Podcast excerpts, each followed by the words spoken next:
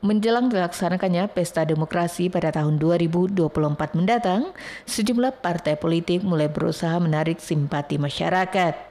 Begitu juga dengan kader partai yang diunggulkan untuk maju dalam pemilihan legislatif. Guna kelancaran pelaksanaan pemilu di Kota Pekanbaru, penjabat Wali Kota Pekanbaru Moplihun berharap panitia pengawas pemilu dapat bersama-sama dengan pemerintah mengawasi dan menciptakan pemilu yang jujur dan adil. Selain itu, Moplihun juga menghimbau kepada masyarakat untuk tidak salah pilih dalam menggunakan hak suaranya.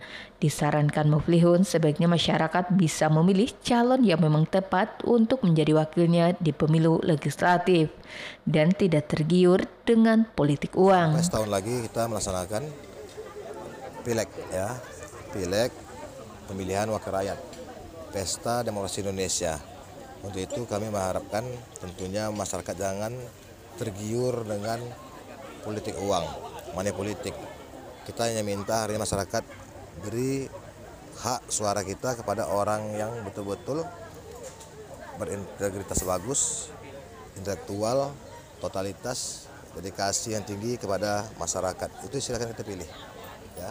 Kami mengharap juga dari Panwas bisa e, bersama-sama pihak pemerintah kita awasi agar betul-betul pelaksanaan pileg ini jurdil ya, jujur dan adil serta terbebas dari money politik. Desi Suryani, Tim Liputan Barabas, Maporken.